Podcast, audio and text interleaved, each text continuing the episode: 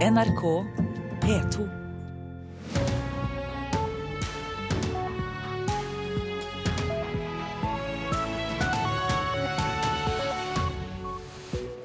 Her ønsker Øystein Heggen velkommen til Nyhetsmorgen.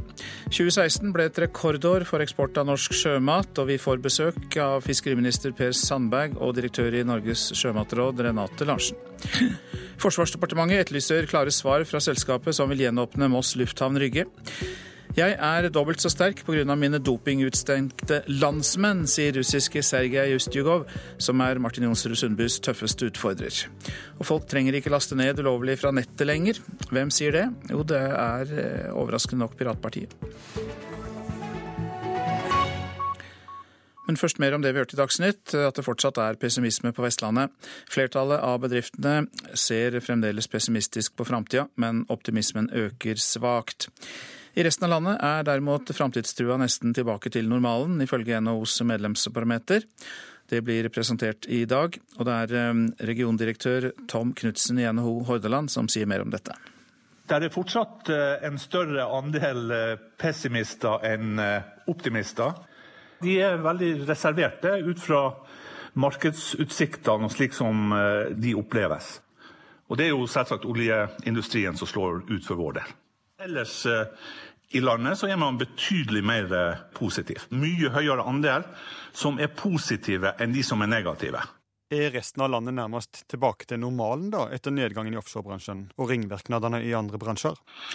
Ja, i andre deler av Norge som ikke har vært så uh, avhengige av olja, så er det veldig mye positivt å se der. Men i dårlige tider gjelder det jo å se lyspunkt der de er. Og også på Vestlandet er pessimistene nå bare så vidt i flertall, sier Knutsen. Det er en liten overvekt som er negative her hos oss. Andelen er minkende, for å si det sånn, av de som er negative. Innover i 2017 så vil dette flate ut, og så får vi håpe på en oppgang igjen. Hvordan eh, tror du det blir for dere i 2017? Jeg tror fortsatt at 2017 blir et tøft år. Det sier administrerende direktør i Karsten Moholt, Linn Cecilie Moholt. Men samtidig så er det jo første gang på lang tid, egentlig siden oljeprisen begynte å falle, at man ser et lys i enden av tunnelen her. Har du begynt å planlegge både investering og eventuelt eh, ny sysselsetting? Eh, så langt er vi ikke kommet, men eh, vi ser jo det at det er mulig å ha forhåpninger om mer stabil oljepris. Samtidig så har vi fått oss en lærepenge, sånn at vi vil jo fortsette arbeidet med å diversifisere porteføljen vår og være aktiv i flere markeder enn oljemarkedet òg. Og det arbeidet ser ikke vi at vil gå så mye fortere. Knutsen sier at i andre bransjer enn offshore er bildet til dels lysere, også i vestlandsfylka. Forretningsmessig tjenesteyting eh, er straks mer eh, positiv til 2017. Reiseliv og handel, også til en viss grad industrien. Faglig og teknisk tjenesteyting eh, ser store utfordringer. Bygg- og anleggsvirksomheten i Hordaland begynner å se utfordringer. Også informasjon og kommunikasjon er straks mer pessimistisk i forhold til 2017. Hvordan anslår de sysselsettinga i året som kommer? Ja, Der eh, er det for så vidt byggevirksomheten som er mest positiv eh, i Hordaland. Eh, når det gjelder industrien, så er det null, for å si det sånn. Så det er ikke noen betydelig oppgang forventa. Og så vet vi jo at Nav, Der utlyses det jo stadig stillinger, men det er på en måte i kategorier hvor det ikke er ledige f.eks. innenfor helse og innenfor skole. Mens det er da ledig arbeidskraft kanskje i industrien og fra oljeindustrien. Så det er en betydelig mismatch. Hvorvidt den vil kunne rettes opp i 2017, det er veldig vanskelig å si. De ledige stillingene er i feil bransjer? Ja, helt rett. Så hvis du hadde på en måte tatt med offentlig eh, sektor f.eks., og basert deg på hele arbeidslivet i Hordaland, så vil nok kanskje bildet ha nyansert seg litt i forhold til positivitet. Men da er det offentlig sektor som har dratt det opp, og ikke, og ikke våre bedrifter. To offshorebedrifter som har hatt kraftige nedskjæringer de siste par åra, ville ikke intervjues da NRK ringte i går. Men direktøren i Karsten Moholt velger å se positivt på framtida. Heldigvis så har vi hatt en positiv avslutning på 2016 med veldig høyt eh, arbeids press, sånn at vi har løpt alle mann. Er du optimist eller pessimist for de neste tolv månedene? Optimist. Reportasjen var laget av Leif Rune Løland. Det var altså fortsatt noe pessimisme på Vestlandet, men vi skal snakke om optimisme nå. Og eh, Norges eh, sjømatnæring, Renate Larsen, først til deg. Du er direktør i Norges sjømatråd. Dere kan presentere optimistiske tall i dag. Ja. Aldri tidligere har verdien på sjømaten fra Norge vært høyere, og aldri tidligere har etterspørselen vært så sterk. Hvilke tall snakker vi om? Totaleksporten for 2016 endte på 91,6 milliarder, og det er rekordhøye tall i forhold til tidligere. Ved siden av deg sitter eh, fiskeriminister Per Sandberg. Velkommen til deg også. Ja, takk. takk, takk. Hvordan har eh, Norge klart dette? Nei, altså Det er ikke å legge skjul på det at uh, valutakurs og, og, og, gode markeder er noe av forklaringa. Men eh, man skal ikke stikke under en stor det at eh, sjømatnæringa har gjort en betydelig jobb i over lang, lang tid med å bygge opp eh, kvalitet, merkevare, særlig på norsk laks som har også en betydning der at norsk sjømat etterspørres over hele verden. Vi eksporterer da til 150 land, og det er klart at det skrikes etter mye mer norsk sjømat, og da går prisen også opp. Og 91,6 milliarder det er en oppgang det på 23% på ett år. Og det er klart at uh, optimismen der ute er enorm. Uh, og så vet vi alle sammen, næringa, Sjømatrådet, fiskeriministeren, vi vet at potensialet er enda større. Så det er ikke noe grunn til å hvile. Her er det bare å stå opp tidlig om morgenen uh, og jobbe videre, for at mulighetene er enda større enn det som vi ser i dag. Og nå har jo heldigvis alle vi tre stått opp tidlig denne morgenen her. Renate Larsen, men likevel så viser jo tallene at produksjonen falt i fjor. Eh, så hva er sammenhengen her? Ja, Vi ser en, en nedgang på, på, laks, da. Eh, men for hvitfisksektoren så har vi en økning. Men hva er grunnen til at eh, det er et fall på laks? Er oppdrettsnæringen i trøbbel, eller er det bare en naturlig justering? Det har jo ikke vært vekst i oppdrettsnæringa på noen år nå. Nå ligger det jo an til at ministeren har sagt at vi skal ha vekst fremover. Så vi håper jo på det. Men det viktigste nå for eh, næringa, altså en av bærebjelkene for norsk sjømat, er jo den bærekraftige forvaltninga. Og det ser vi at eh, vi har i Norge. Klarer du å få til det, Sandberg, både bærekraft og vekst? Ja, eh, der er jeg også optimist. Og det er klart det er riktig som Renate her sier, at det har vært litt, eh, litt, eh, ikke noe økt produksjon de siste to, tre, fire årene.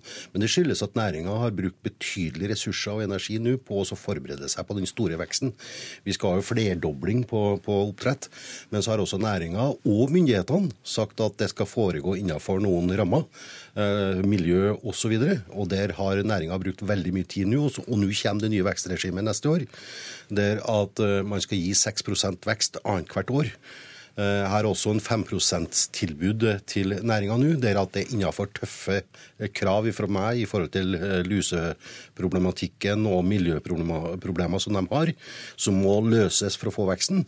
Så jeg er veldig optimist i så måte. Og det vekstregimet det kommer nå i, i, år. Eh, og allerede i år så vil man få en mulighet til 6% vekst innenfor, innenfor oppdrett. Men uh, Larsen, nå er det da slik at handelen med Kina starter opp igjen. Forholdet er blitt uh, tilbake til uh, normalen. Hva med, skjer med sjømateksporten dit? Ja, Vi vil nok se etter hvert at vi får en økning på Kina, men det vil ta tid. Vi skal jobbe godt og, og langsiktig med, med, Kina. Så Kina er et viktig marked for norsk laks og norsk sjømat. Hvitfisken er jo stor i Kina og har økt de siste årene på Kina. Så Kina blir viktig fremover, men det er et langsiktig arbeid vi står foran.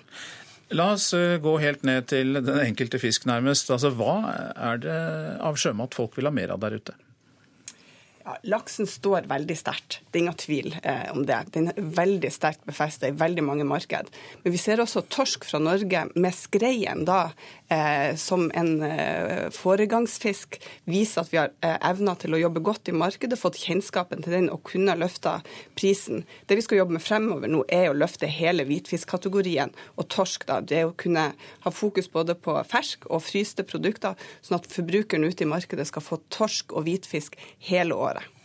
Du tiltrådte jo i fjor, bare for å ta det, i fjor høst, men har jo bakgrunn, variert bakgrunn fra denne næringa mm, fra tidligere.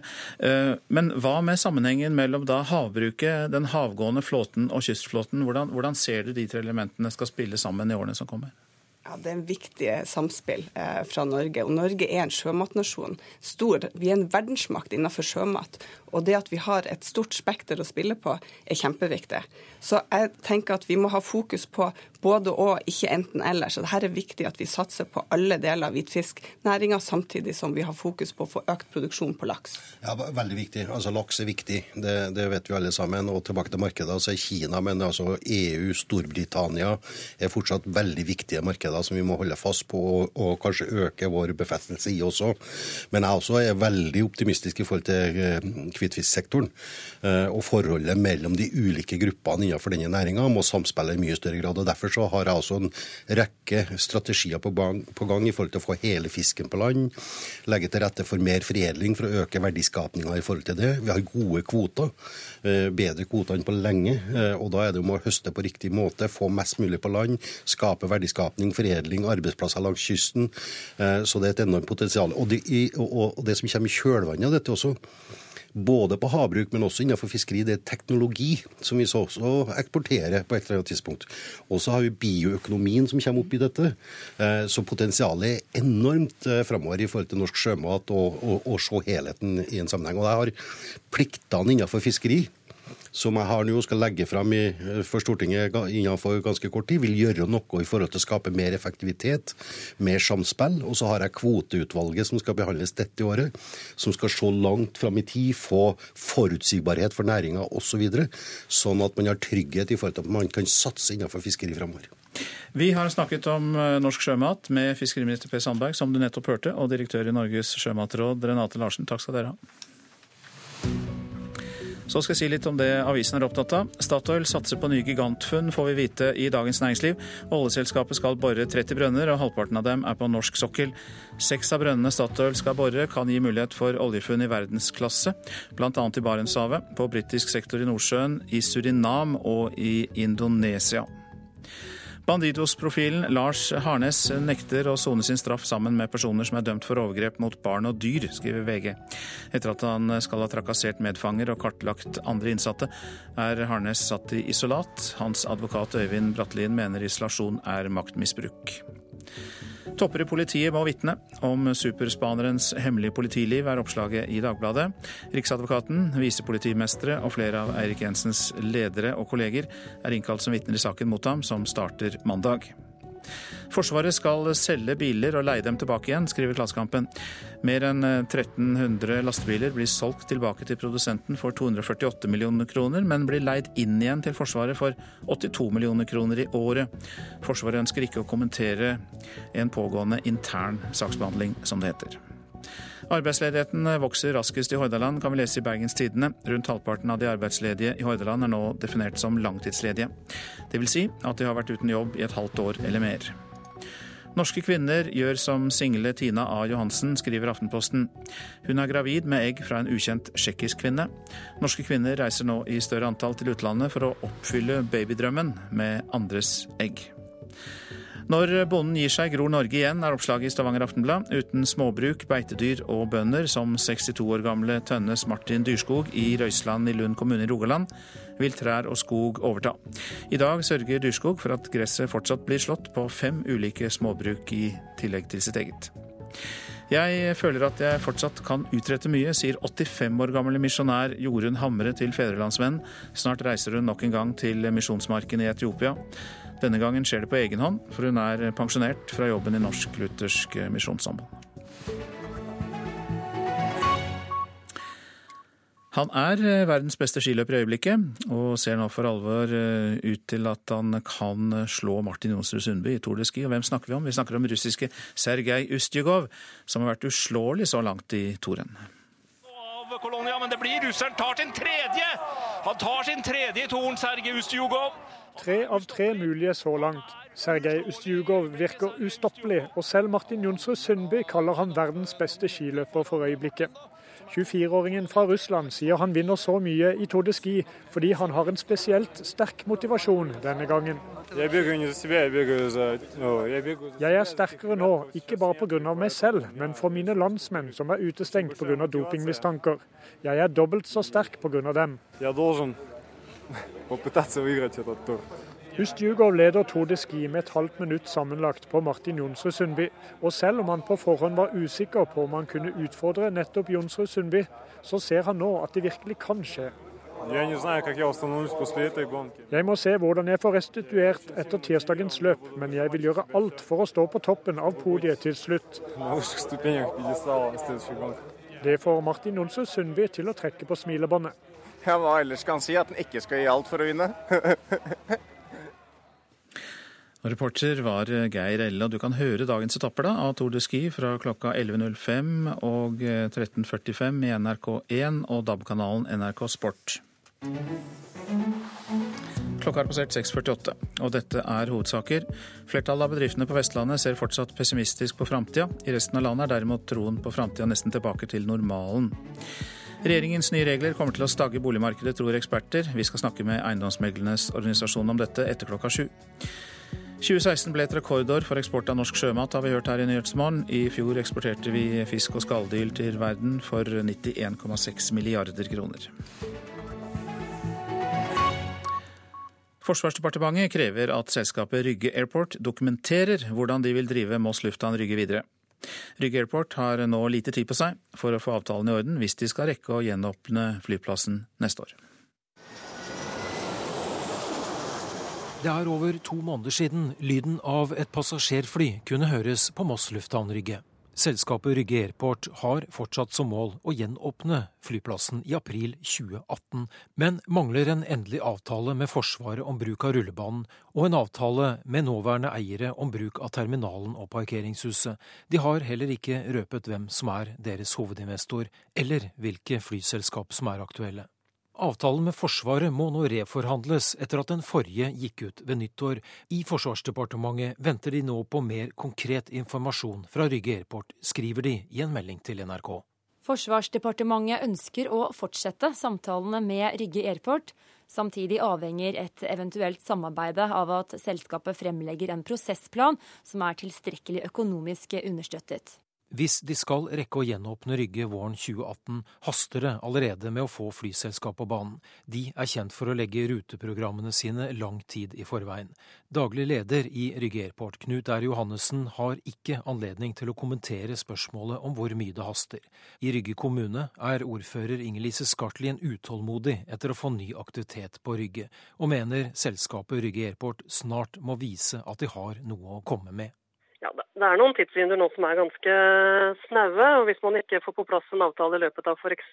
januar, så tror vel jeg at 2018-sesongen også ryker. Hvor godt informert er du eh, rundt eh, hvem som nå står bak og f.eks. skal finansiere Rygge Airport? Jeg er ikke veldig godt informert om det. Dette er jo forretningsdrift, og de holder korta tett til brystet. Men på et eller annet tidspunkt her nå så må man jo komme videre, og da regner jeg med at eh, man vil eh, ha avtaler på plass. Så kunne det være at det vil være åpenhet rundt hvem som står bak alt. Reporter Lars Håkon Pedersen.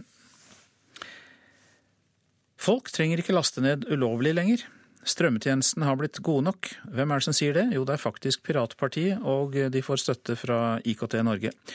Men hvem som skal ha æren for at det har blitt slik, det er det uenighet om. Ja, den kampen vår er i hvert fall eh, ganske nærme mål.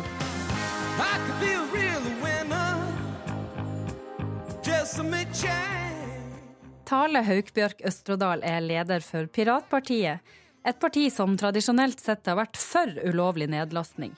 De har bl.a. støtta fildelingssida The Pirate Bay, som nå er blokkert i Norge, rett og slett fordi det er ulovlig.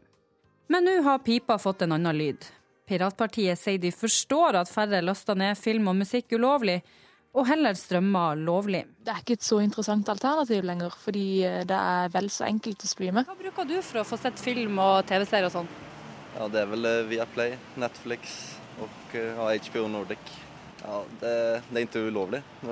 jeg vet når jeg bodde hjemme i Sverige, da var det mye Pirate Bay, mye sånne tjenester man brukte. Men i Oslo så har de sperret mange av de sidene. Torgeir Waterhouse i interesseorganisasjonen IKT Norge, han mener at det handler om at folk vil betale, men at det ikke har vært mulig før nå. Det har lenge vært en frase som er 'shut up and take my money'. Altså Hvor folk sier at jeg har lyst, jeg prøver å betale her, vær så snill la meg få lov til å betale for dette innholdet jeg har lyst på tilgang til. Så skulle man kanskje tro at Piratpartiet vil at tjenestene skal være gratis.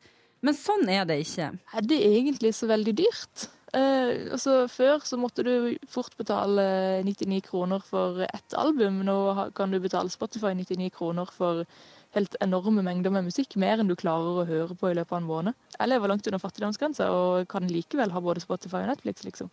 Og så var det det her med ære. Hvem sin fortjeneste, hvis vi kan kalle det det, er det at flere betaler for det de ser og hører på?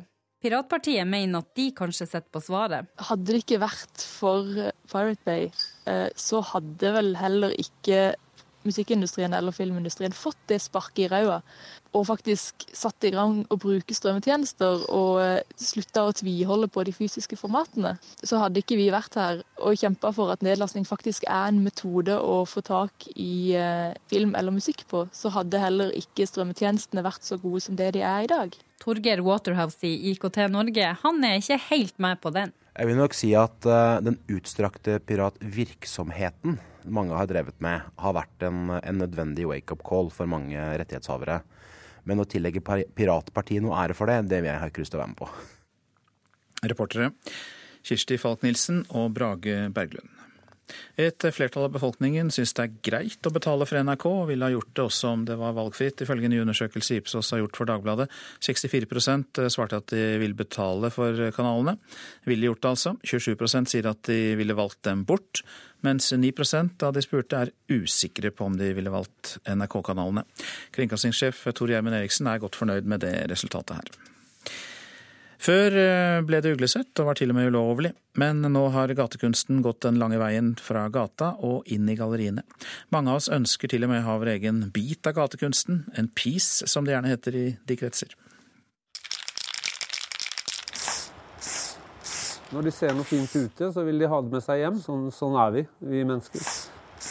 Vi liker eh, kule ting, og, og graffitikunsten er ikke komplisert og vanskelig. og, og vanskelig tilgjengelig. Den er eh, kul og enkel og wow-basert. Graffitikunstner Børge Brekke startet med graffiti på 80-tallet. Da var det han lagde mislikt av mange. Men nå merker han stor interesse for det som kalles street art eller gatekunst. Jeg merker jo veldig godt på respons fra publikum, henvendelser, eh, spørsmål om oppdrag på Facebook, eh, Instagram. Responsen er veldig, veldig bra. Det siste året har Børge Brekke med base i Ringerike sprayet skibladner på en 270 kvadratmeter stor vegg i Gjøvik i anledning Mjøsas Hvite svane sitt 160-årsjubileum. Han har dekorert kjellerlokalene i Finansdepartementet, i tillegg til en rekke andre oppdrag. Mange ønsker seg graffiti både hjemme i stua og på kontoret, forteller han.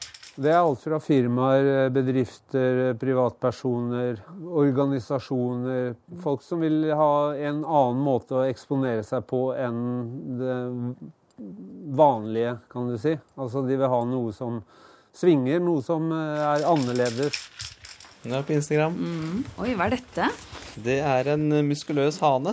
På mobilen viser Laser, eller Lars Erik Smelhus Andreassen, fram en lilla hane med enorme muskler. Hanen pynter opp en hel vegg på et treningssenter i Hønefoss.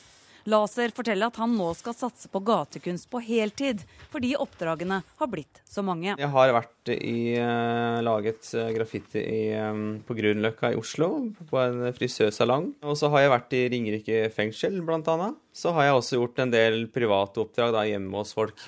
Hva er det de ønsker seg, da? De ønsker seg gjerne kanskje litt uh, artige motiver til barna sine på barnerommet. Gjerne kjente tegneseriefigurer eller ja, animerte figur, da. Nå vil folk ha det hjemme i stua. Sier Jonas Leborg i Galleri Kollekt i Oslo. Han sier at gatekunst har vært populært siden 2005, men at det tok av etter at Oslo kommune i fjor åpnet opp for graffiti i bybildet. Jeg merker et økt, helt klart økt salg i galleriet. Eh, jeg samarbeider med flere gatekunstnere og og gjort det i syv år. Før måtte jeg ut og selge, nå kommer kundene til oss, til meg. da. Hva tror du det kommer av? Eh, nei, Det er vel som alt annet hvor, eh, hvor trender utvikler seg. Eh, og De siste 20 årene så tror jeg det har vært veldig mange som ikke har handlet så mye kunst. Eh, mine foreldre handlet masse grafikk. Eh, nå begynner min generasjon å handle grafikk igjen. Og da er det ofte urban kunst og gatekunst som appellerer til folk på min alder oppover. da. Det kunne Jonas Leborg fortelle. Han jobber i galleriet Kollekt i Oslo, og reporter var Anette Skafjell. Vi tar for oss værvarselet. Østafjells først. Nordlig kuling på kysten. Pent vær i Vest-Agder, ellers litt snø av og til. Delvis oppklaring mot kvelden. Vestlandet og fjellet i Sør-Norge. Nordlig sterk kuling utsatte steder. Gradvis minkende vind. Utover dagen altså. Snøbyger, regn og haglbyger på kysten. Fra ettermiddagen oppholdsvær sør for Nordfjord. Og vi går til Trøndelag og Nordland. Nordøstlig stiv kuling på kysten av Sør-Trøndelag og litt snø sør for Bodø først på dagen. Ellers minkende sørøstlig vind og stedvis eh, pent vær. Troms og Finnmark. På kysten av Øst-Finnmark perioder med sørvestlig liten kuling og snøbyger. Om kvelden også på kysten av Troms og Vest-Finnmark. Ellers er det kaldt og stille vintervær i Troms og Finnmark. Spitsbergen etter hvert eh, snø, fra ettermiddagen øking til sørlig stiv kuling. Og vi tar med oss eh, temperaturene, og de er målt klokka fire. Og det er jo da ganske kraftige temperaturer, eh, lave temperaturer i nord. Svalbard lufthavn minus 9, Kirkenes minus 29. Vardø minus 10, Alta minus 19, Tromsø-Langnes minus 10. Eh, så var det Bodø med minus 8, Brønnøysund minus 6 og Trondheim-Værnes med minus 4. Og langs vestlandskysten der er det mer på plussiden. Molde pluss 2, Bergen-Flesland 5, Stavanger og Kristiansand-Kjevik begge 4. Tilbake til minus på Gardermoen med minus fire. Lillehammer minus fem. Røros minus åtte. og Oslo-Blindern minus én grad. Dette var altså da klokka var fire. Og Nyhetsmorgen fortsetter med disse sakene. Regjeringens nye regler kommer til å stagge boligmarkedet, tror eksperter. Bilistene er mindre konsentrerte enn tidligere, hørte vi i Dagsnytt. Det får du vite mer om her i Nyhetsmorgen. På Filippinene er 160 fanger på rømmen etter et væpnet angrep på et fengsel. Britenes viktigste diplomat i Brussel har trukket seg fra stillingen kort tid før brexit-forhandlingene begynner. Ja, nye boliglånsregler vil dempe boliggaloppen i hovedstaden, tror ekspertene, få dager etter at de nye reglene ble innført. I dag kommer nye boligtall også, som høyst sannsynlig bekrefter at boligprisveksten i 2016 ble en av de sterkeste i historien. Utrolig fascinerende. Og så er jeg på visning her to ganger i uka, og hver gang jeg er på visning, så har det vært tre etasjer til. Salgsansvarlig Finn Bragnes i Privatmegleren blir nesten svimmel av kjempebygget Lambda som reiser seg foran ham. Så det har jeg aldri opplevd maken. Dette går fort? Dette går veldig fort. Det sto ingen verdens ting her i november, og til jul så hadde de reist seg i hvert fall 40 meter. Med Munch-museet og operaen rett ved har Bragnes allerede solgt 130 av 152 leiligheter på nabotomta Munchs brygge. Totalt har han solgt for over 1 milliard kroner, før første spadetak er tatt. En leilighet her på 80 kvadrat gikk for 11,2. Bra kvadratmeterpris unik leilighet. det, har, det har vært et eventyr, og som beskriver egentlig boligmarkedet litt nå.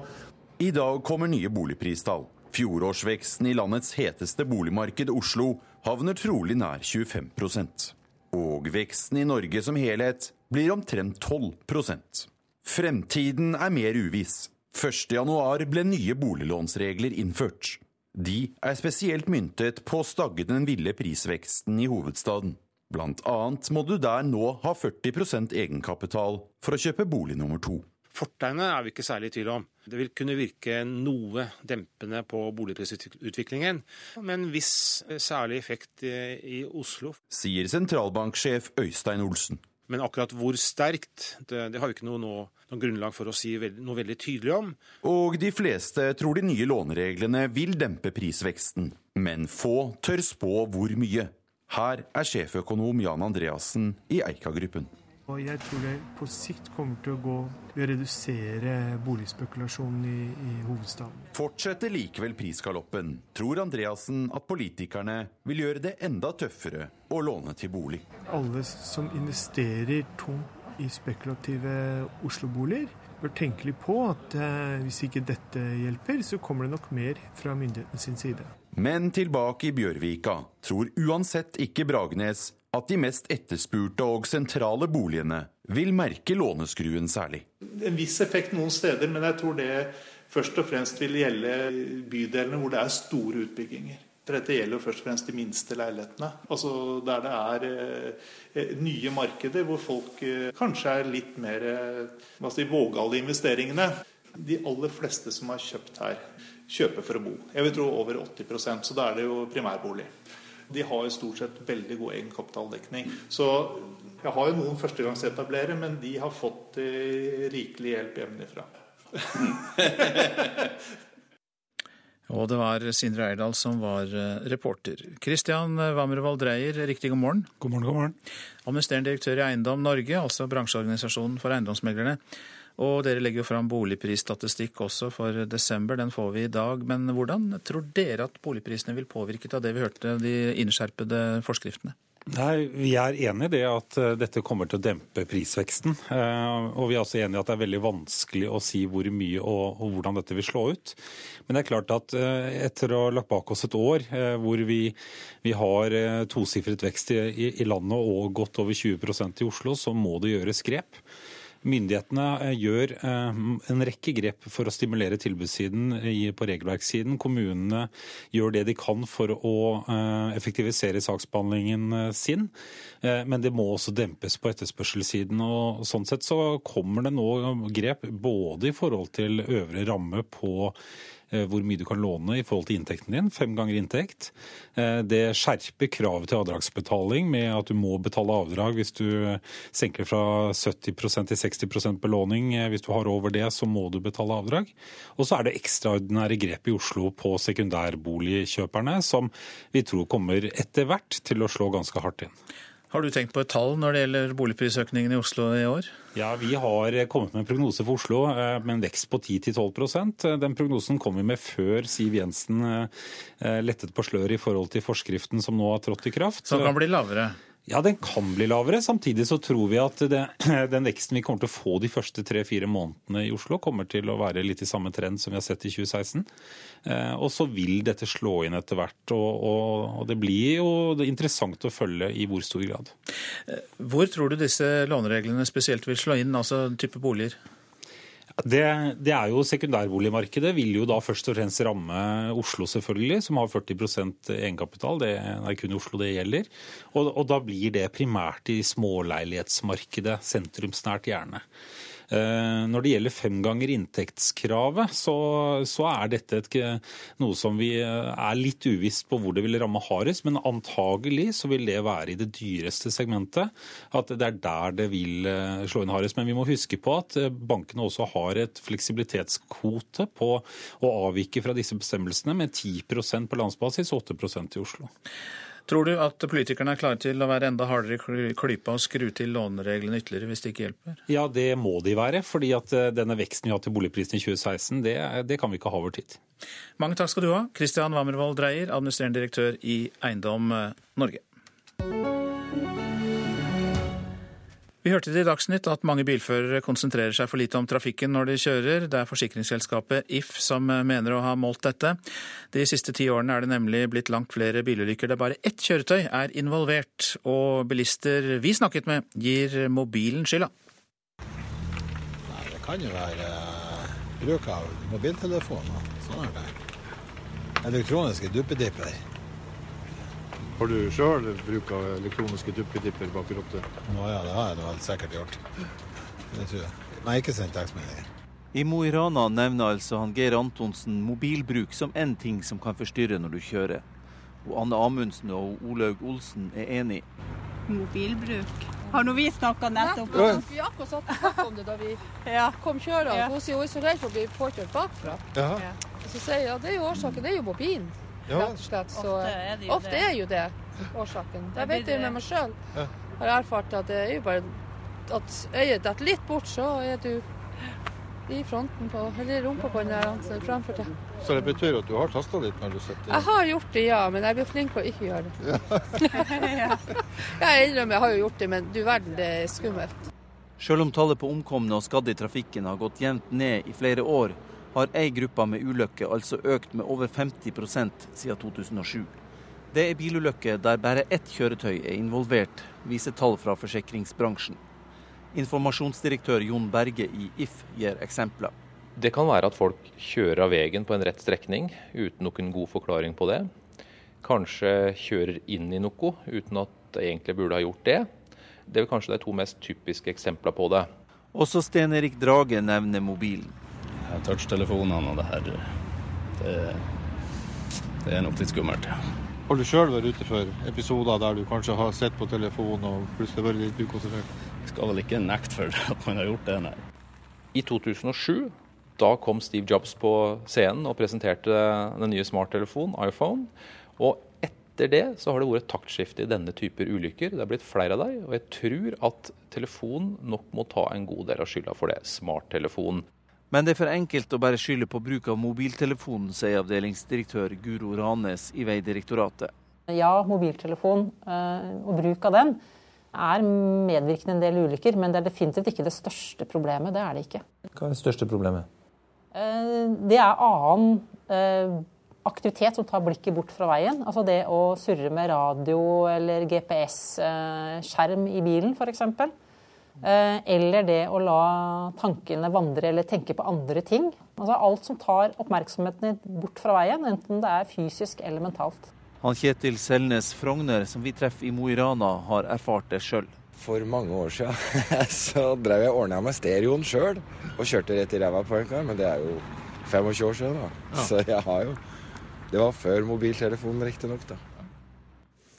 Reportere Kjartan Røslett og Frank Nygård. Klokka er snart 7.13. Dette er eh, hovedsaker. Regjeringens nye regler kommer til å stagge boligmarkedet. Det tror eksperter på boligmarkedet få dager etter at reglene er innført. Mange bilister er for ukonsentrerte, har vi nettopp hørt. Smarttelefon, bilstereo og GPS får skylda av eh, forsikringsselskap. Russiske myndigheter var ikke kilden til e-postene fra Hillary Clintons valgkampledelse. Det sier Wikileaks-grunnlegger Julian Assange, og mer om det snart. Men først hjemlig politikk. Det er problematisk at Arbeiderpartiledelsen ikke er klar på hva de mener om konsekvensutredning av oljeboring i Lofoten, Vesterålen og Senja. Det sier eh, stortingsrepresentant fra Høyre, Tina Bru. I Dagsrevyen i går eh, kunne de fortelle at flere fylkeslag i Arbeiderpartiet, som før har stemt ja til konsekvensutredning av oljeboring i dette området, kan være i ferd med å ombestemme seg og stemme nei. Jeg mener det er problematisk, for at hvis man skal skyve partiet i riktig retning, og man er opptatt av å få til et ja til konsekvensutredning, så trenger man kanskje et tydelig signal fra nettopp ledelsen. Sier stortingsrepresentant fra Høyre Tina Bru etter at NRK i går kunne fortelle at flere fylkeslag i Arbeiderpartiet som før har stemt ja til konsekvensutredning av oljeboring i Lofoten, Vesterålen og Senja, kan være i ferd med å ombestemme seg. Nei, per nå så kan vi ikke utelukke det. Sier leder for Hedmark Arbeiderparti Per Gunnar Sveen. Og nå som vi ser at flere fylkeslag kanskje er i ferd med å snu, så trengs det signalet mer enn noensinne. Hun mener Arbeiderpartiet ikke støtter nok opp om oljenæringen. Nei, Som en som er opptatt av å få til en konsekvensutredning av disse områdene, så bekymrer det meg jo. Eh, Og jeg er også opptatt av alle de arbeidsplassene som finnes i denne industrien. Og hvis eh, det går den retningen som det antydes nå eh, i Arbeiderpartiet, så er disse arbeidsplassene i fare for fremtiden. For etter NRK ringte alle fylkeslagene til Arbeiderpartiet, varslet fire av ti lag som stemte ja at det kan bli omkamp. Nestleder i partiet Hadia Tajik, som leder arbeidet med partiets nye valgprogram, ville ikke si til Dagsrevyen i går hva hun mener om konsekvensutredning i nord. Vi kommer til å legge fram et eh, forslag fra programkomiteen eh, tidlig i februar. Der kommer all ny politikk til å bli presentert, eh, inkludert det som handler om Lofoten og Vesterålen. Under nyttårstalen sin i går ønsket også finansminister og Frp-leder Siv Jensen et klarere svar fra Arbeiderpartiledelsen. Derfor mener jeg det er på høy tid at Jonas Gahr Støre gjør det klart om eh, han ønsker å lete etter olje i Lofoten, Vesterålen og Senja. Bru etterlyser nå et klart ja fra Ap-ledelsen. Hvis de ikke har tenkt til å støtte opp om det som er vår viktigste næring, eh, så derfor bør de være tydelige i denne saken og si ja til en konsekvensutredning av disse områdene. Reporter eh, Harald Stolt-Nielsen. Og programleder for Politisk kvarter, Lilla Sølesvik. Politikerne bruker starten av det nye året til å fyre opp valgkampen, virker det som, også hos deg i dag? Ja, vi skal følge opp den nyttårstalen som Siv Jensen holdt på Facebook i går. Den brukte hun ikke på å sende milde hilsener til nordmenn i inn- og utland, sånn som mange andre har gjort før henne. I stedet brukte hun størstedelen av talen til å sende stikk til Arbeiderpartiet, som hun utropet til hovedmotstander i valgkampen som kommer nå i høst. Siv Jensen mener Frp har bevist at det går an å senke skattene og øke velferden samtidig. Og det, til det svarer Arbeiderpartiets Marianne Martinsen eh, litt syrlig at det er jo enkelt så lenge regjeringen forsyner seg av framtidas pensjoner og graver så dypt i oljefondet som de gjør. Så den debatten skal vi høre, og så skal vi selvfølgelig innom ulven, for elleve busser med sinna ulvemotstandere er på vei til Oslo fra Hedmark og Oppland i dag. Politisk kvarter om en knapp eh, halvtime.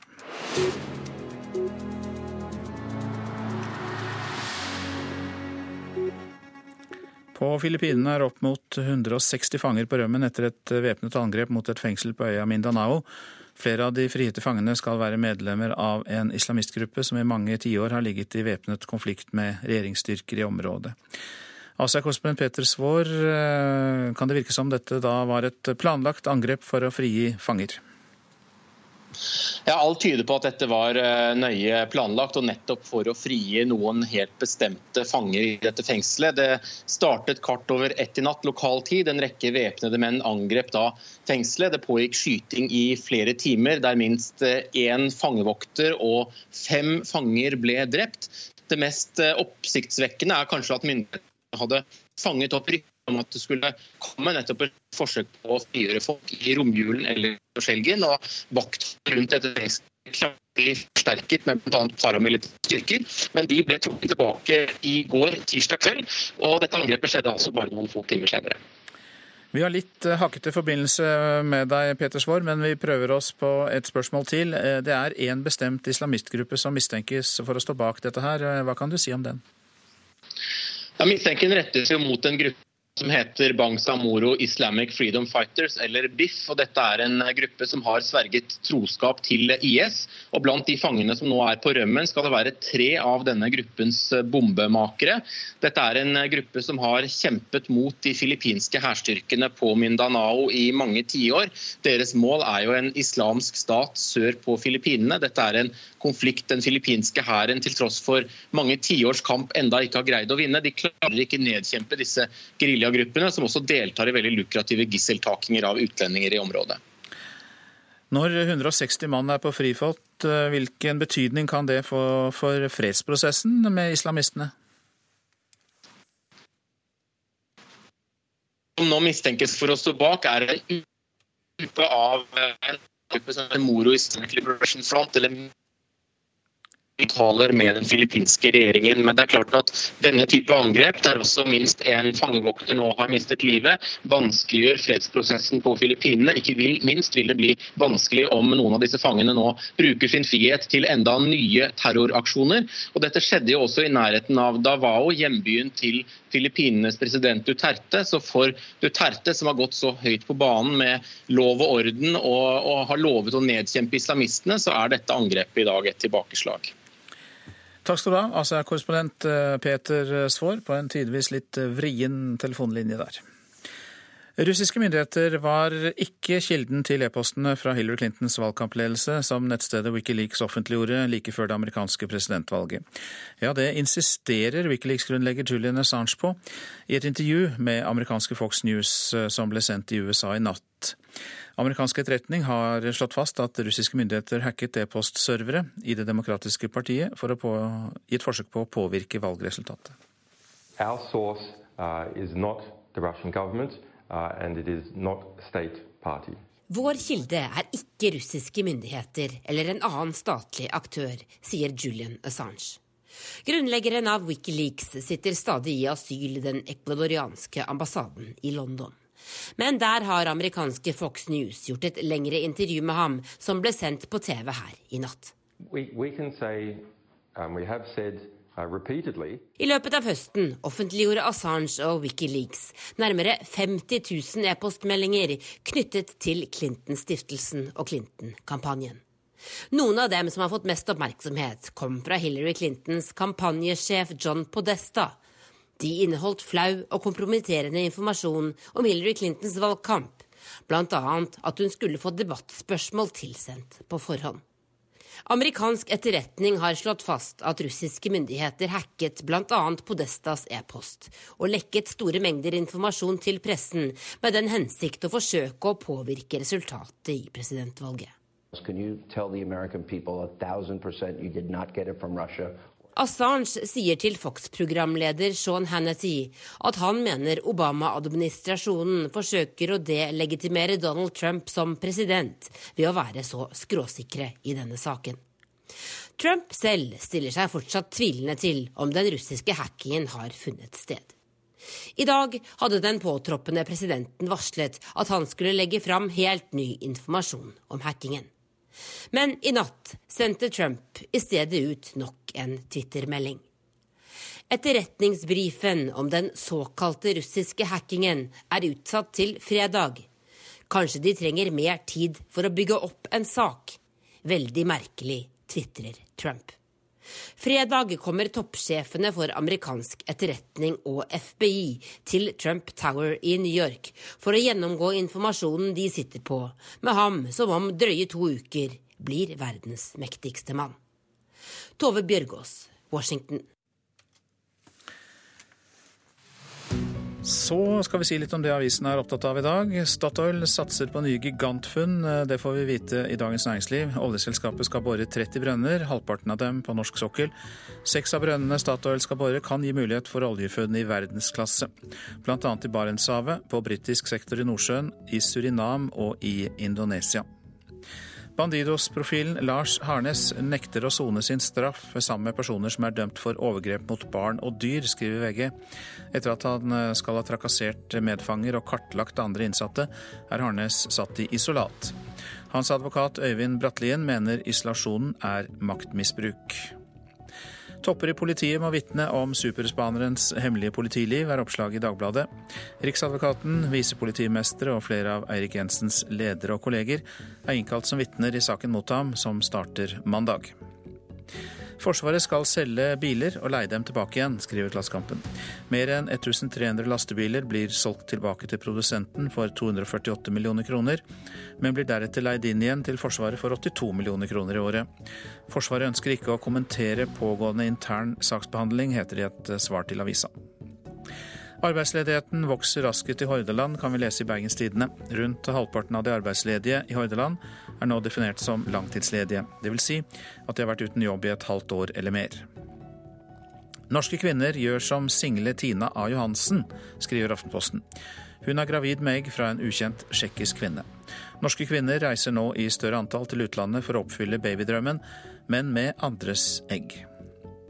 Når bonden gir seg, gror Norge igjen, er oppslaget i Stavanger Aftenblad. Uten småbruk, beitedyr og bønder, som 62 år gamle Tønnes Martin Dyrskog i Røiseland i Lund kommune i Rogaland, vil trær og skog overta. I dag sørger Dyrskog for at gresset fortsatt blir slått på fem ulike småbruk i eh, sitt område. Jeg føler, meg, jeg føler, at jeg fortsatt kan utrette mye, det sier 85 år gamle misjonær Jorunn Hamre til Fedrelandsvennen. Snart reiser hun nok en gang til misjonsmarken i Etiopia, denne gangen på egen hånd, for hun er pensjonert fra jobben i Norsk-Luthersk Misjonssamband. Petroleumstilsynet varsler tilsyn med sikkerheten på oljeplattformen Goliat i et helt år pga. over 30 uhell og feil. Det skriver Dagens Næringsliv. Plattformen, som ligger i Barentshavet nordvest for Hammerfest, er nå stengt for femte gang på under et år. Goliat-plattformen, som er den første oljeprodusenten i Barentshavet, er nå stengt for femte gang på under ett år. Siden den ble satt i produksjon om lag åtte mil nordvest for Hammerfest i mars i fjor, så har det vært over 30 uhell og feil. Feil og mangler ved heiser, kraner, kabler, nødgeneratorer, losseslange og utslipp av gass og kjemikalier er blant de mer alvorlige hendelsene, skriver Dagens Næringsliv i dag. Og i juni fikk en arbeider alvorlige hodeskader etter å bli truffet av en vaier. Gjennom hele 2017 skal Petroleumssynet nå følge Goliat, og en i Norge som er operatør av oljeplattformen, sier også at de ønsker bedre styring av risiko. Så reporter Linda Reinholdsen. Partiet Rødt har på ti år økt medlemstallet med over 80 I fjor økte partiet med 13,1% og partiet, som ble dannet i 2007, hadde i fjor litt over 3000 medlemmer. Det er 358 flere enn året før, skriver Klassekampen. Medlemsveksten eh, til partiet Rødt skjer over hele landet. Det har vært eh, færre høyreekstreme terrorangrep i Europa, men det er flere tilfeller av vold og trusler og trakassering mot flyktninger og minoriteter. Forsker Tore Bjørgo ved Ekstremismesenteret ved Universitetet i Oslo mener det er viktig med mer kunnskap om de høyreekstreme miljøene også her i landet. For ytre høyreholdninger får større oppslutning, og hatkriminalitet er blitt et større problem. Da har du vært litt for Litt? Kan si det sånn? Hatefulle ytringer lå til grunn da en mann i Rogaland for et drøyt år siden ble pågrepet av politiet. Han ble senere dømt til å betale 15 000 kroner i bot. Det er flere som ytrer seg, og gjerne flere som, eh, som nærmer seg den grensa for hva som kan være eh, hatfullt. Det sa politiadvokat Øyvind Haukland da saken rulla opp det som var ekstremt før, har blitt mer mainstream nå. Det sier Tore Bjørgo, som er leder for Senter for ekstremismeforskning ved Universitetet i Oslo. Ting som man ikke kunne si for 20 år siden, det blir nå sagt uh, på offentlige talerstoler. En økt oppslutning til høyreekstreme holdninger er en tendens. Selve terroren fra høyreekstreme har avtatt i Europa, men det er stadig flere voldsepisoder som er særlig retta mot flyktninger og minoriteter. Vold som ikke er meint for å drepe. Særlig de siste to åra i tilknytning til, til den øka tilstrømninga av flyktninger, at det har vært en kraftig økning av Eh, vold i mindre skala. Eh, det kan være overfall, eh, det kan være brannstiftelse mot asylmottak ennå, hvor folk ennå ikke har flytta inn. Ja, der, der det smalt, det. 22.07.2011, da den høyreekstreme terrorismen slår til mot hovedstaden. 77 personer blir drept. Og Bjørgo mener vi trenger enda mer kunnskap om de høyreekstreme miljøene her i landet. Ja, fordi at eh, fenomenene og virkeligheten forandrer seg, så er ikke lenger eh, gangbart den kunnskapen vi hadde for 15 eh, år siden, den, den gjelder i stor grad ikke lenger. Vi lever i et, et samfunn som stadig endrer seg, og hvor, hvor også ekstremismen endrer seg. Og, og Derfor trenger vi stadig oppdatert kunnskap. I dag er det en stor samfunnssikkerhetskonferanse i Stavanger, der trusler mot Norge er et av hovedtemaene og hva hatkriminalitet fra høyreekstreme kan føre til. Det er iallfall et fenomen som vi må være oppmerksom mot. Fordi at eh, vi har sett da ekstreme utslag av dette i Norge med 22. juli-angrepet. Men, men, eh, forholdsvis lite foreløpig av denne, denne mer omfattende, men, men, mindre dødelige volden som har vært retta mot, mot flyktninger og minoriteter, som vi har sett i mange andre land. Og dette innslaget var laget av Cecilie Berntsen Jåsund. Såpe fra Aleppo er viden berømt og står i en 3000 år gammel tradisjon. Men hva skjer med såpeproduksjonen etter at fabrikken er bombet? Du får vite det svaret i reportasjen etter Dagsnytt. Og i Nyhetsmorgen om en times tid klokka 8.30 så skal du få ulvesaken sett fra et rent eh, jegerperspektiv. Det er Vidar Eidhammer som er produsent for Nyhetsmorgen. Her i studio, Øystein Hygge.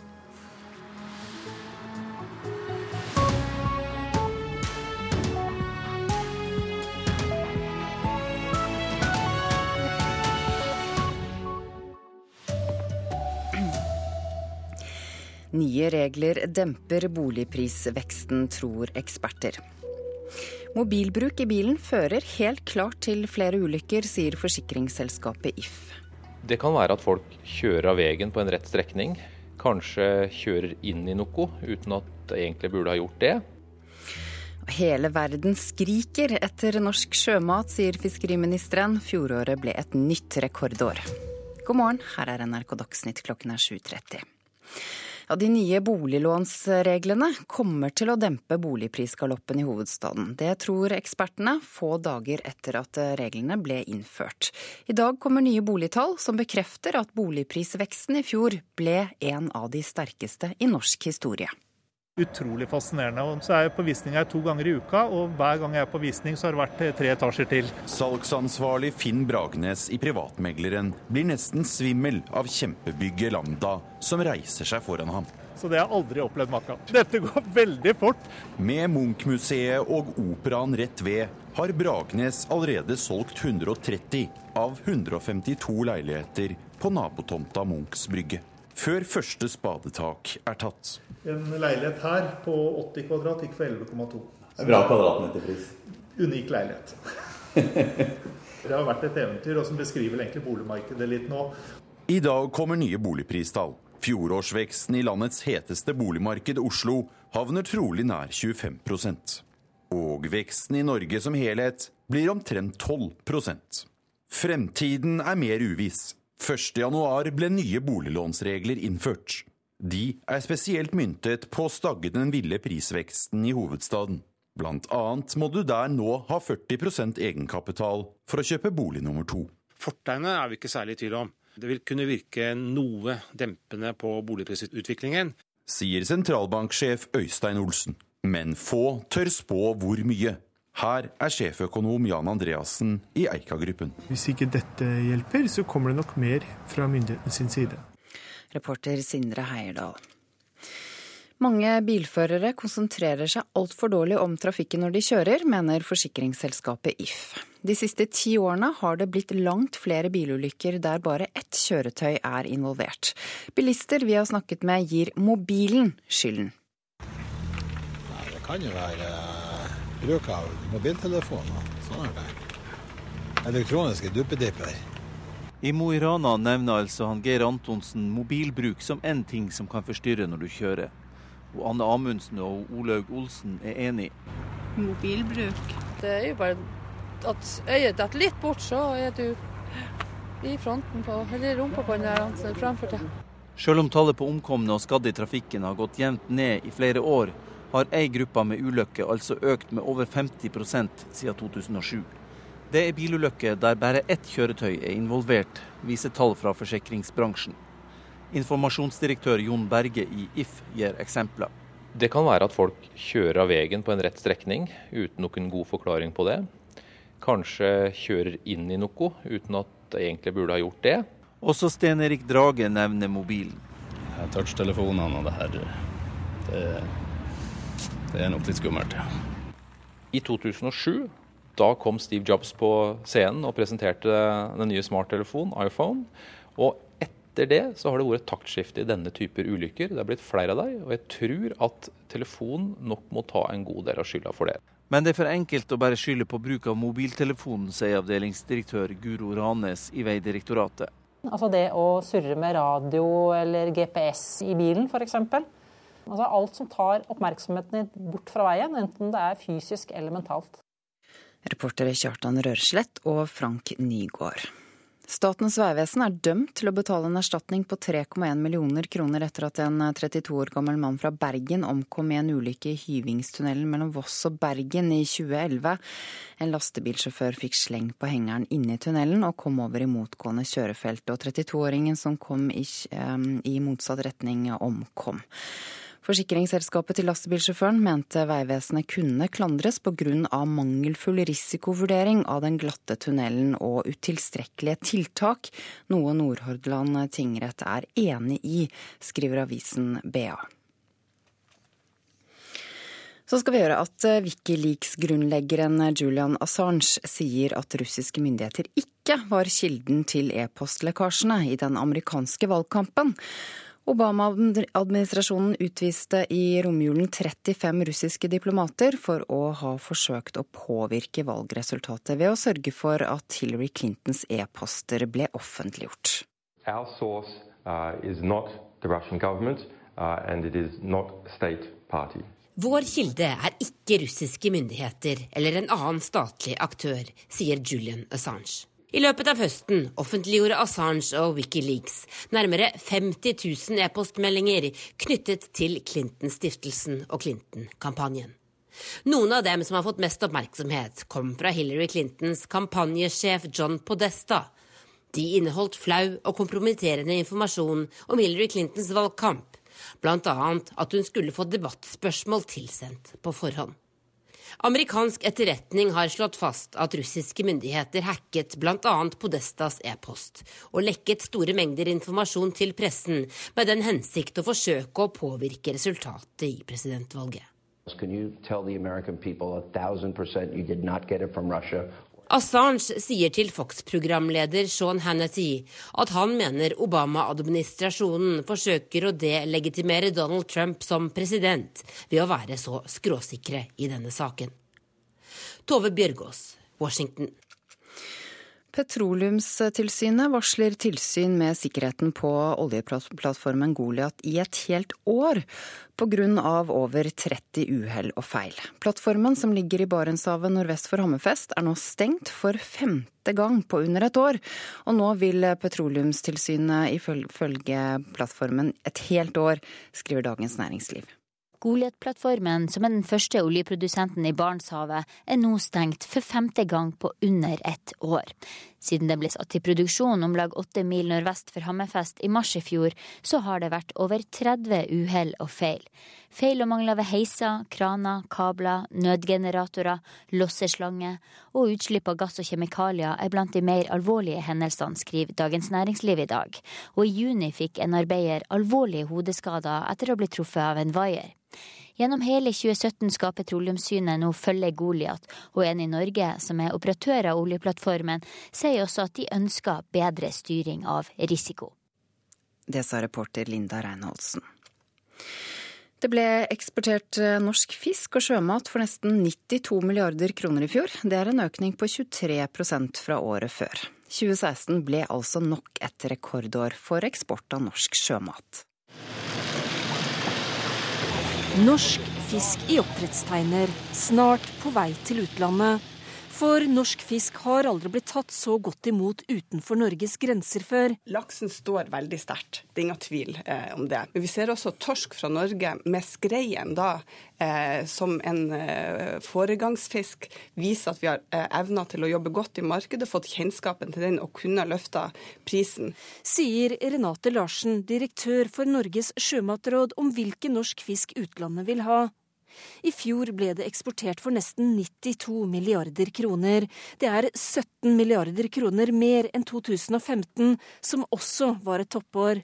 Aldri tidligere har verdien på sjømaten fra Norge vært høyere, og aldri tidligere har etterspørselen vært så sterk.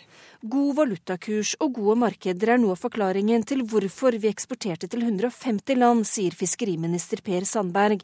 Men også at sjømatnæringen har bygd opp norsk fisk som gode merkevarer. Kina, men altså EU, Storbritannia er fortsatt veldig viktige markeder som vi må holde fast på og, kanskje øke vår befestelse i også. Både oppdrettsnæringen og fiskeriene har opplevd tidenes høyeste priser i 2016. Det er optimisme i markedet, sier Sandberg. Sjømatrådet, fiskeriministeren, vi vet at potensialet er enda større. Så det er ikke noe grunn til å hvile. Her er det bare å stå opp tidlig om morgenen eh, og jobbe videre, for at eh, mulighetene er enda større enn det som vi ser i dag. Det sa fiskeriministeren, og reporter var Ellen Omland. 200 russiske friidrettsutøvere har fått navnene sine offentliggjort i rapporten som Det internasjonale friidrettsforbundet har fått tilsendt fra etterforskerne til Richard eh, McLaren. Rapporten, som ble offentliggjort i fjor, hevder at det har vært et statlig styrt dopingsystem i russisk idrett. Russiske friidrettsutøvere har vært utestengt siden 2015. Ansvarlig for dagsnyttsendingene Dagsnytt-sendingene denne morgenen er eh, Sven Gullvåg. I studio Ida Creed.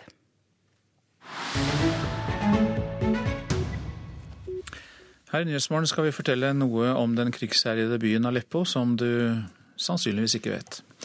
Mange i Syria og nabolandene forbinder nemlig kvalitetssåpe med denne byen. I 3000 år har de fulgt den samme hemmelige oppskriften når de har laget såpen Alepia. Etter at såpefabrikken ble ødelagt pga. krigen, har syriske flyktninger fortsatt å lage såpe.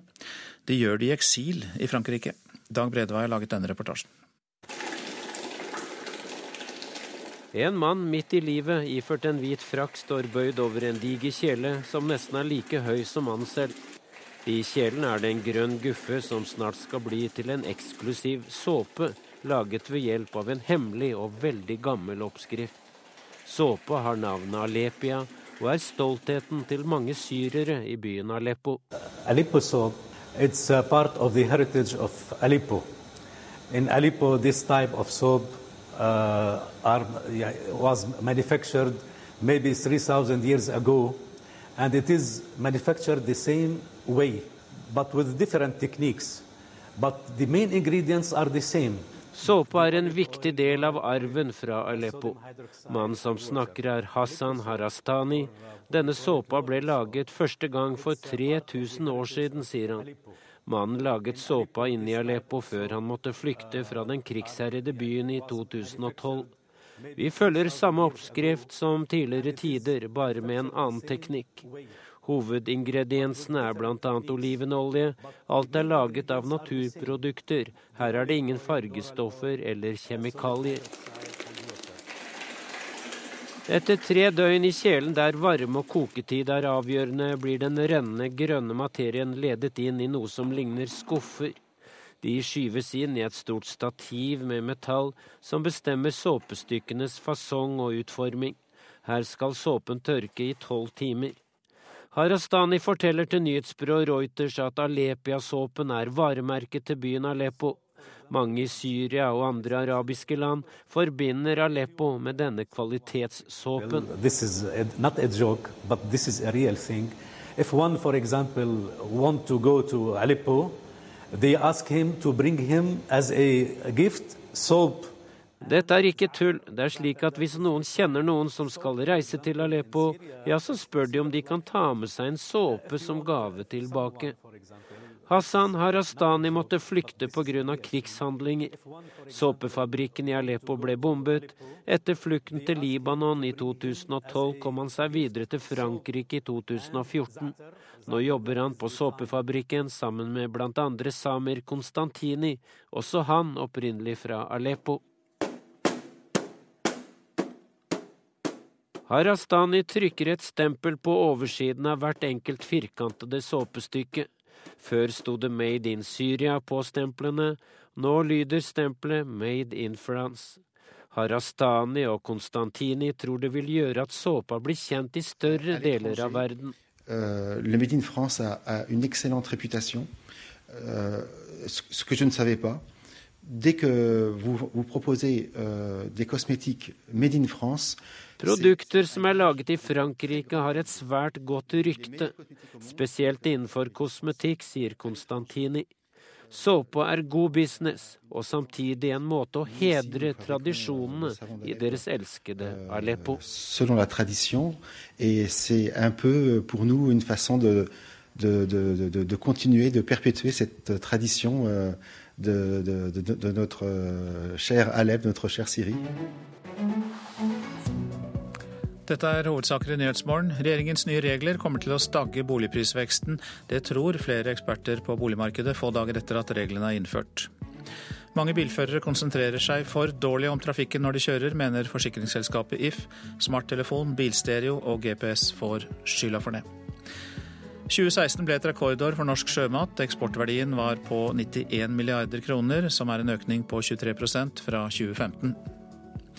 Petroleumstilsynet varsler tilsyn med sikkerheten på oljeplattformen Goliat i et helt år pga. over 30 uhell og feil. Plattformen, som ligger i Barentshavet nordvest for Hammerfest, er nå stengt for femte gang på under et år. Klokka går mot eh, kvart på åtte. Det betyr at det er Politisk kvarter i dag ved Lilla Sølhusvik.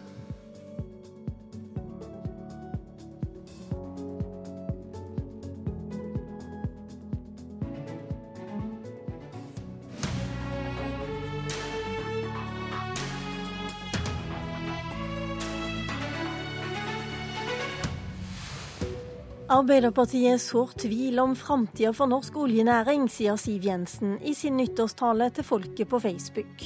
Det lover dårlig for valgkampen at Frp er desperat allerede, svarer Arbeiderpartiet.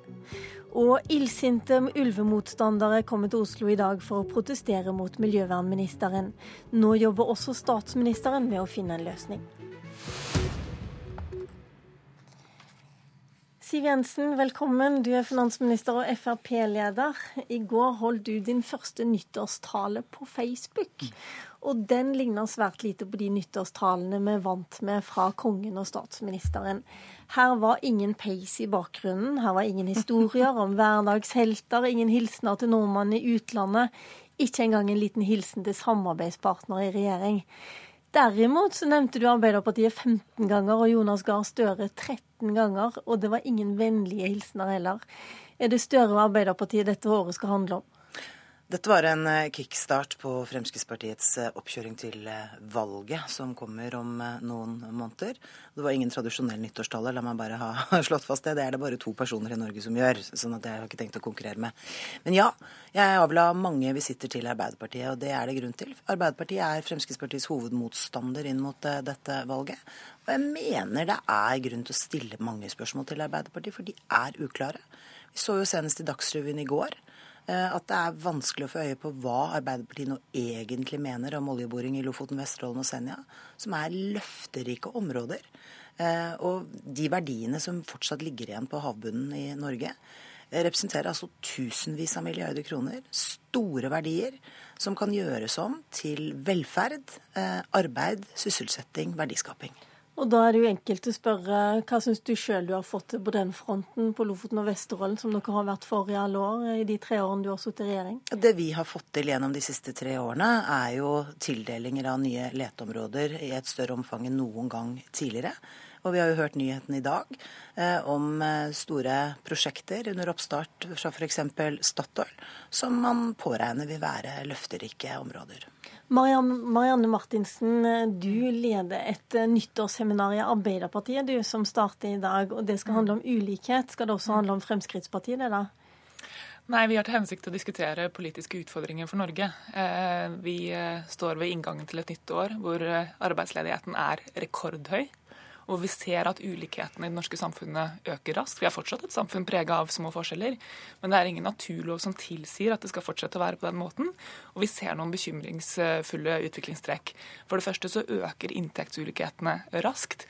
Den raskeste økninga vi har sett siden forrige gang vi hadde borgerlig regjering. Og det er særlig noen grupper hvor vi ser en veldig bekymringsfull tendens, bl.a. i de nederste eh, inntekts, eh, altså den nederste delen av inntektsskalaen i privat sektor. Der har du mange folk som opplever økt midlertidighet, som ikke har reallønnsvekst, og som har en løs og usikker tilknytning til arbeidslivet. Og vi har sett i andre land hvor skummelt det kan være når grupper som det faller ifra. Og det er jo påfallende, syns jeg, at Siv Jensen, finansministeren, i en nyttårstale velger å legge nærmest alt fokus på Arbeiderpartiet og angrep på Arbeiderpartiet, når hun sjøl sitter med resultater av en økonomisk politikk gjennom tre år som ikke har virka. Men la oss komme tilbake igjen til det. Eh, bare først, Dere er bekymra for ulikheten og, for, mm. og framtida for velferdsstaten. Mm. Men eh, bør du ikke da tenke litt mer på Er du også bekymra for oljeinntektene og oljenæringen som skal sikre den velferdsstaten på samme måte som Siv Jensen er? Nå tenker jeg på Lofoten og Vesterålen og den uroen som er i Arbeiderpartiet. Mm.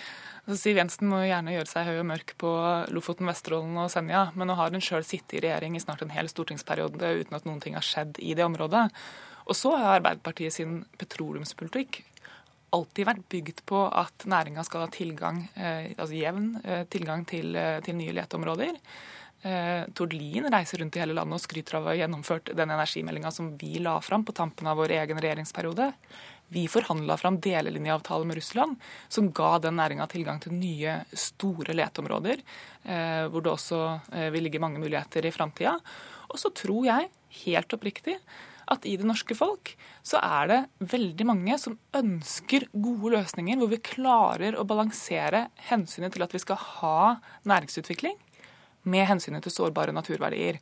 Og Den diskusjonen går i Arbeiderpartiet. Den skal lande på vårt landsmøte i god tid før valget. Men jeg mener at det er sunt. Det er en demokratisk prosess. Og det at Fremskrittspartiet ikke gjør de avveiningene i det hele tatt, det overrasker meg egentlig ikke. For det er jo et parti som fornekter at klimaendringene er menneskeskapte, og som aldri har vært opptatt av naturverdier. Men du er finanspolitisk talskvinne, og vi har en finansminister her. Og det jeg lurer på er om når du skal ha ulikhetsseminar i dag, kommer du med mm. noen nye tall som Siv Jensen ikke ikke har sett.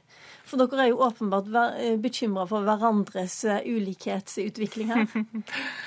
Vel, eh, det, vi, det, som er utgangspunktet for at vi nå løfter ulikhet, er en del tall som vi begynte å se før jul. Da fikk vi ny statistikk fra SSB som viser at inntektsulikhetene øker kraftig. altså Nå går det veldig raskt. Det var tall som var basert på 2015, det første året hvor vi ble styrt av et rent blå-blått budsjett. Vi fikk fattigdomsstatistikk fra Nav som viser at antallet som, som vedvarende er på lav inntekt, også øker raskt og kraftig. Eh, vi har mange flere tusen eh, fattige barn. Og så er det eh, denne rapporten jeg viste til fra Samfunnsøkonomisk analyse, som tar for seg den nederste delen av privat sektor, hvor vi knapt har jobbvekst, og hvor tilknytninga til arbeidslivet blir stadig løsere. Jensen. Det er viktig å være opptatt av at Norge fortsatt skal være et land med små eh, forskjeller, med små ulikheter. Og det er Norge fortsatt. Det er ingen land som er i nærheten av å kunne konkurrere med oss omtrent, i hvert fall i, i, i vår del av verden. Eh, derfor skal vi fortsette med det. Og jeg syns Arbeiderpartiet overdriver dette når de skaper et inntrykk av at det nå er en dramatisk økning. Det er altså små forskjeller. Men det er særlig to ting som bidrar til økte forskjeller i Norge.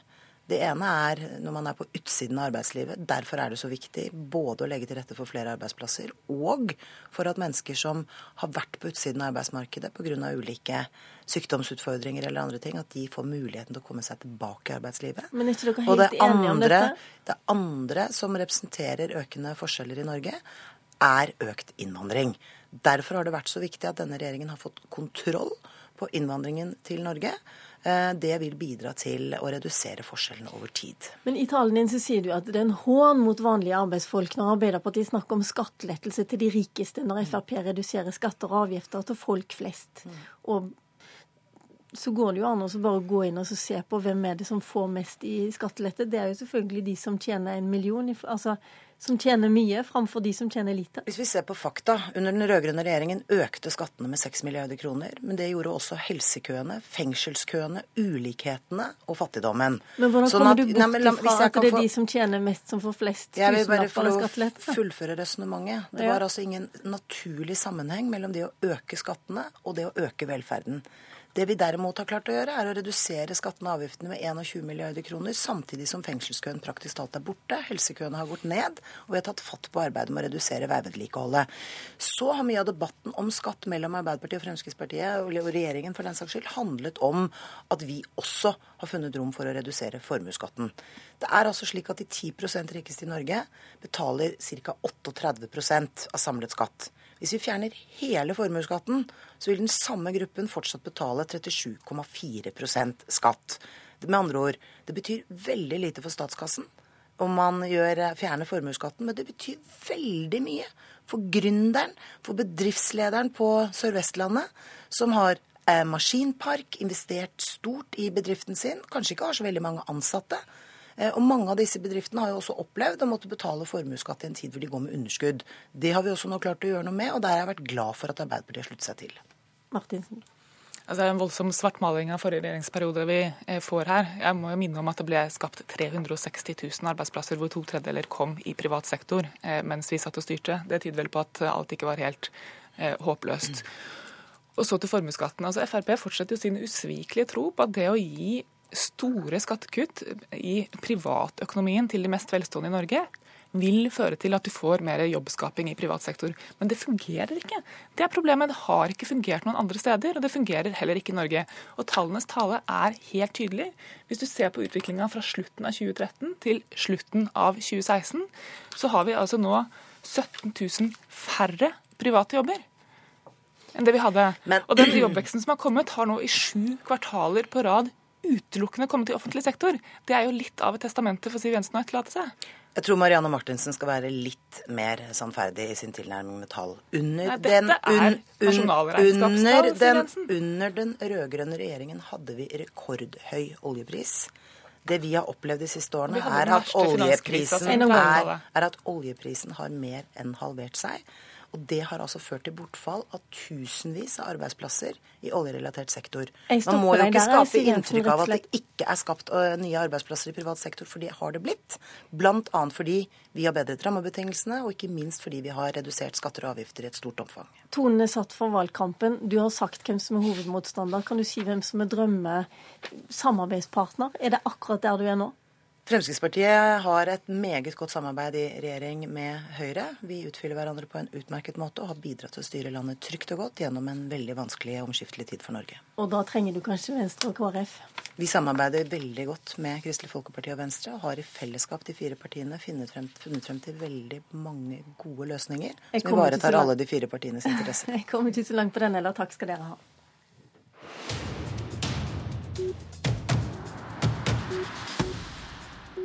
Ulvemotstandere er på vei til Oslo. Interessen er så stor, så nå er det elleve busser da, herifra. Så eh, jeg regner nok med at eh, vi har mellom 400 og 500 påmeldt på buss. Så vet jeg at det kommer folk med fly fra Trøndelag. Det kommer folk fra Østfold og Vestfold og Telemark og Akershus. og ja, det sa lokallederen i Hedmark jeger- og fiskerforbund, som er en av dem som skal demonstrere foran Stortinget og Miljødepartementet i dag. Før sommeren ble Stortinget endelig enige om hvor mange ulv man skal tillate her i landet. Da håpte de jo at saken var avgjort og at roen skulle legge seg, men så sa lokale rovviltnemnder i høst ja til å felle 47 ulver, selv om det faktisk bare finnes omtrent 68 ulv. Da reagerte ulvetilhengerne. Og så sa miljøvernministeren siste dagen før jul at eh, jakta var avlyst, og sa at bare 15 ulv kunne felles. Da eksploderte nærmest ulvefylket Hedmark. Jeg snakka med en fortvilt innbygger i Hedmark i dag, som har sett sju ulv rundt hagegjerdet sitt nå siste døgn. De er ikke noen redde folk, så hvorfor skal ungene mine være testpiloter for hvor nærme ulven kan komme før faren er en realitet, da? Det er vel ingen som vil avse, altså, som har unger å avse, tenker jeg. Jeg tror det blir uhyggelig tøft. Altså Det å drive valgkamp i Hedmark Høyre hvis dette her blir stående, det tror jeg nesten du kan eh, gravlegge. Ja, Høyres stortingsrepresentant Gunnar Gundersen til slutt. Kommentator Lars Nehru Sand, man kan jo forstå at folk som har ulv i nabolaget kan være sinna, men Høyre-folk virker vel så sinna på prosessen her. Hvordan endte vi der? Dette begynte jo med at Stortinget gjorde to eh, vedtak når de eh, landa dette ulveforliket. Det ene handler om eh, hvor mange ulv som skal være i Norge, altså et bestandsmål. Det ble lavere enn det Helgesen selv ba Stortinget om, så allerede der gikk han på sitt første nederlag, kan man si. Men så har man også vedtatt et lovverk som sier at man i gitte tilfeller kan skyte ulv i Norge. Og kanskje spesielt, vil jo ulvemotstanderne si, når det er flere ulv enn det Stortinget Stortinget har eh, vedtatt. Eh, fordi ulvearten som, som, art i Norge ikke nødvendigvis eh, blir utrydda av at man skyter noen nå, og at ulven er en, en, fare, mener man. Og Det er jo der stridens kjerne er. Er ulven en så stor fare at den må bøte med livet for, for å minimere faren, eller vil det være trygt å, å både bo og, drive næringsvirksomhet i Hedmark eh, med ulv der.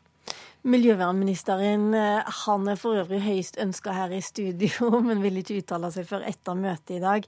Det virker som om han og motstandere er høyst, uenige om jussen i denne saken.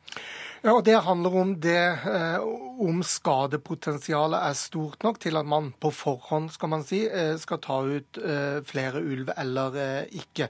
De som krever eh, Helgesen skal snu, mener jo at nettopp fordi man har flere ulv enn man la opp til, eh, og fordi det er en økt konflikt mellom befolkningen og, og, og ulven, økt frykt, og at Sverige kommer til en annen juridisk konklusjon, så gjør det at det er et juridisk rom for Helgesen å bruke loven bare sånn som landbruksministeren gjør, og komme til motsatt eh, konklusjon. Men det Helgesen trenger nå, er jo en politisk vei ut av et juridisk hjørne han selv har malt seg opp i, og det virker eh, ytterst krevende. Ytterst krevende. Vi får se når de møtes eh, senere i dag. NRK følger selvfølgelig den saken. Det gjør du også. Lars Nehru Sand, takk skal du ha. I programlederstolen i dag satt Lillas Sølhusvik. Hør på oss igjen i morgen. Takk for oss. Hør flere podkaster på nrk.no podkast.